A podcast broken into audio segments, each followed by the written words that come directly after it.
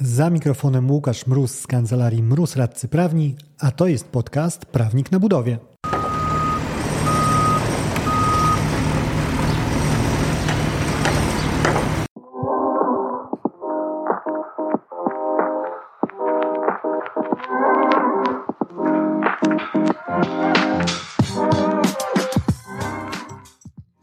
W jaki sposób udokumentować wpływ pandemii, działań wojennych na wydłużenie realizacji inwestycji?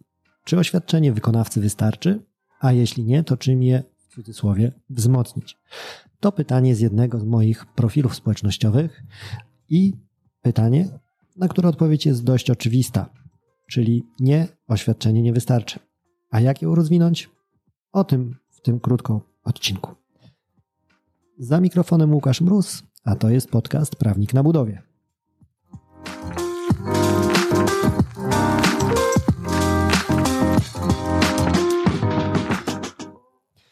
I znowu szczęśliwie to nie jest tylko Łukasz Mróz za mikrofonem, nie tylko jeden prawnik, ale prawników e, dwóch. Dzień dobry, Aneto. Dzień dobry. Jest nas dwóch, tak jak zawsze dwóch było sitów, prawda? Prawda? Ty też nie rozumiesz referencji z Gwiezdnych Wojen, prawda? Zdecydowanie nie. Muszę, muszę zmienić skład osobowy po porażce z Gabrielą, także ty mnie zawodzisz. Porozmawiamy o tym, e, bo oczywistym jest, że nie wystarczy samo rzucenie tego, że, że mamy tutaj wpływ e, wojny czy wpływ pandemii na inwestycje. W związku z tym trzeba coś tam zmieniać. E, tu wykonawcy nie powinni się obrażać, że żąda się od nich konkretów, bo żąda się zasadnie kilka takich przykładów, właśnie konkretnych rzeczy, które możemy wrzucić, czy to jako wykonawca zamawiającemu, czy to jako zamawiający oczekiwać od wykonawcy, e, żeby miało ręce i nogi to, co chcemy przedstawić drugiej stronie. Masz coś do wystartowania?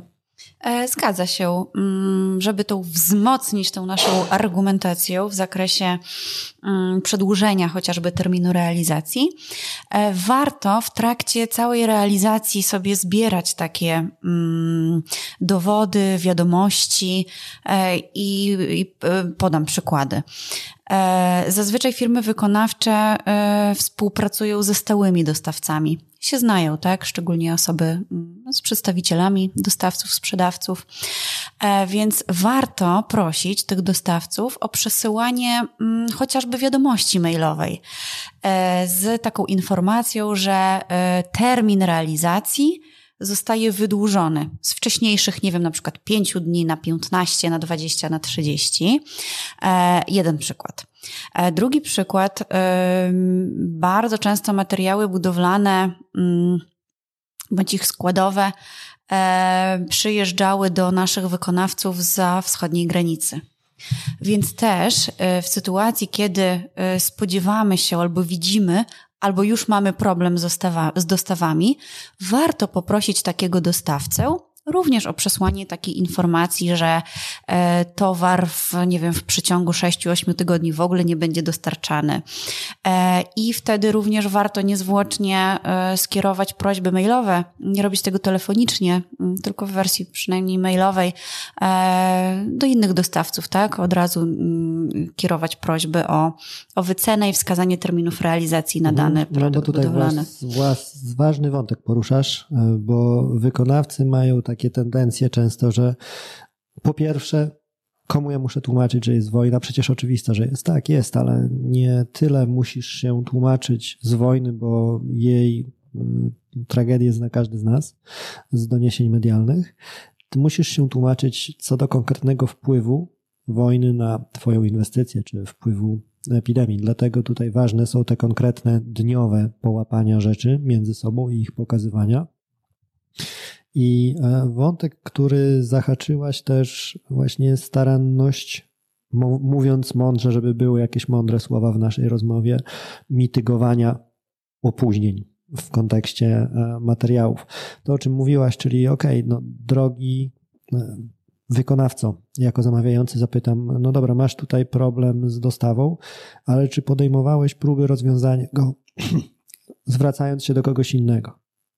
Bo wcale nie powiedziałbym, że jest bezsensownym oczekiwanie standardu staranności takiego, gdzie nie to, że usiądziemy sobie mm, z założonymi rękami, bo jedna osoba nie dowiozła nam towaru, tylko rzeczywiście spróbujemy zaopiekować się tym problemem i sprawić, żeby on problemem być przestał e, i go rozwiązać. To, co mi przychodzi też do głowy, jeżeli chodzi o konkrety, o materiałach mówiłaś, e, powtarzający się scenariusz, który obserwuję, czyli zgłasza się ktoś do nas i mówi tak e, z oczywistością, ceny stali wzrosły. No bo to jest dość łatwy przykład, o tyle, że niekwestionowanie poszybowało to aż pod chmury. Sęk w tym, że e, okej, okay, wzrosły. Tak jak z wojną, jakby nikt nie będzie ci tego kwestionował, że wzrosły te ceny, ale jak one rzutują na Twoją inwestycję? No bo przecież masz jakieś zamówienie, konkretną ilość stali miałeś do wykorzystania, czy jakichś materiałów wytwarzanych z niejże. Pokaż mi, jak to wpływa, jak sytuacja zmian cen wpływa na Twoje zamówienia. Pokaż chociażby, czy nie masz zabezpieczonych, przynajmniej w jakimś zakresie tych dostaw. Jeżeli nie masz ich zabezpieczonych, przydałoby się też, żebyś rzucił mi słowem wyjaśnienia, dlaczego zabezpieczonych ich nie masz. I tutaj nie nawołuję do tego takiego nieracjonalnego i zupełnie oderwanego od rzeczywistości podejścia, które niekiedy zdarza się przeczy przeczytać w pismach od strony inwestorskiej, że na dobrą sprawę z momentem podpisania umowy to wykonawca powinien mieć zakontraktowane już dostawy na cały czas realizacji i nie powinno go obchodzić w ogóle, jak te ceny wyglądają, bo powinien mieć cenę stałą. Najzwyczajniej w świecie nie, nie wygląda tak e, realia, nie wyglądają tak realia branży budowlanej i wcale nie jest wymagane, żeby e, wykonawca tak działał. Niemniej, no, trzeba pokazać, e, w jakim zakresie się zabezpieczyłeś i słowem wyjaśnić, dlaczego nie zabezpieczyłeś się, jeżeli chodzi o poziom dostaw, powiedzmy, w zakresie większym. Coś jeszcze od Ciebie?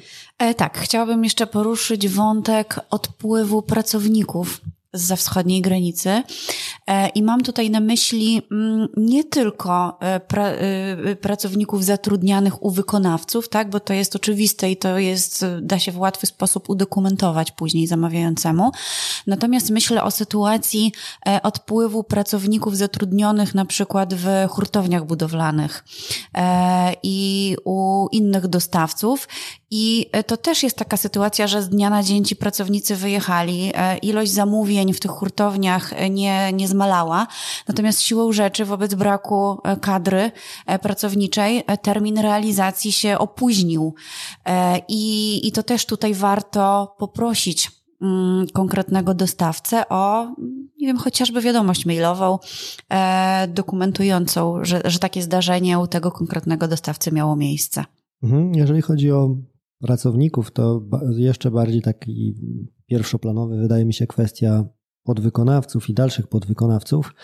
I tutaj pokazuje ten przykład, że warto ich zgłaszać, bo głupio jest, jeżeli nagle masz mhm. informację od podwykonawców, że jest problem kadrowy i chcesz o tym napisać inwestorowi, bo to jest de facto amunicja do twojego karabinu jako wykonawcy, żeby pokazać, że masz problemy, bo twoi podwykonawcy mają problemy, a nagle okazuje się, że średnio można ich zgłosić, bo można zgłosić ich deficyty kadrowe, no bo oni za bardzo zgłoszeni nie są. Także drodzy, zgłaszać warto, może okazać się to korzystne. Ja tak e, ze swojej strony podpowiedziałbym też, że warto e, zaznaczać, jakiej skali procentowo jest to odpływ pracowników, bo co innego, jeżeli ubędzie 6-7 e, osób w zespole 50-osobowym, a co innego, jeżeli ubędzie ich w zespole 15-osobowym.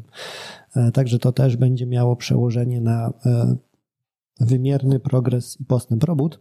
I a propos postępu i progresu, to przerabialiśmy to już na covid i widziałbym i sugerowałbym wyciąganie tych samych wniosków, czyli okej, okay, konkrety, jestem jak najbardziej za nimi, ale też nie fetyszyzujmy takiego wykazywania jeden do jednego, bo to często będzie nierealne tak naprawdę do wykonania, bo wymagałoby zaangażowania profesjonalnego biegłego, który musiałby wyliczyć dokładny wpływ spadku siły roboczej na progres.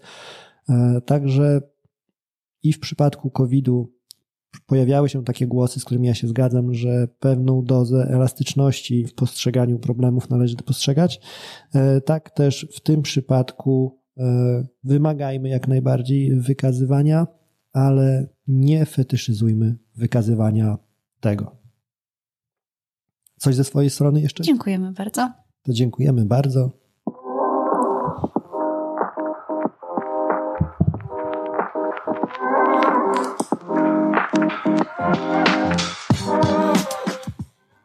Krótko, konkretnie, tyle z mojej strony. Gorąco zachęcam do subskrypcji podcastu, żeby nie umknęły Ci kolejne odcinki, a jeżeli chciałbyś, chciałabyś się ze mną skontaktować, możesz napisać na biuro małpa kancelaria Mroz.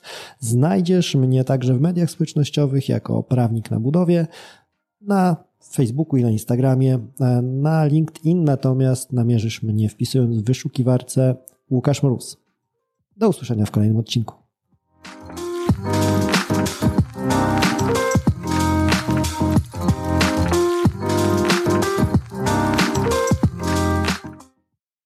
Dzięki za odsłuchanie tego odcinka. Jeżeli chcesz się ze mną skontaktować, możesz napisać na biuro małpa albo zadzwonić na 577 665 077. Znajdziesz mnie też w mediach społecznościowych. Na LinkedIn jako Łukasz Mróz, a na TikToku, Facebooku i Instagramie jako Prawnik na Budowie.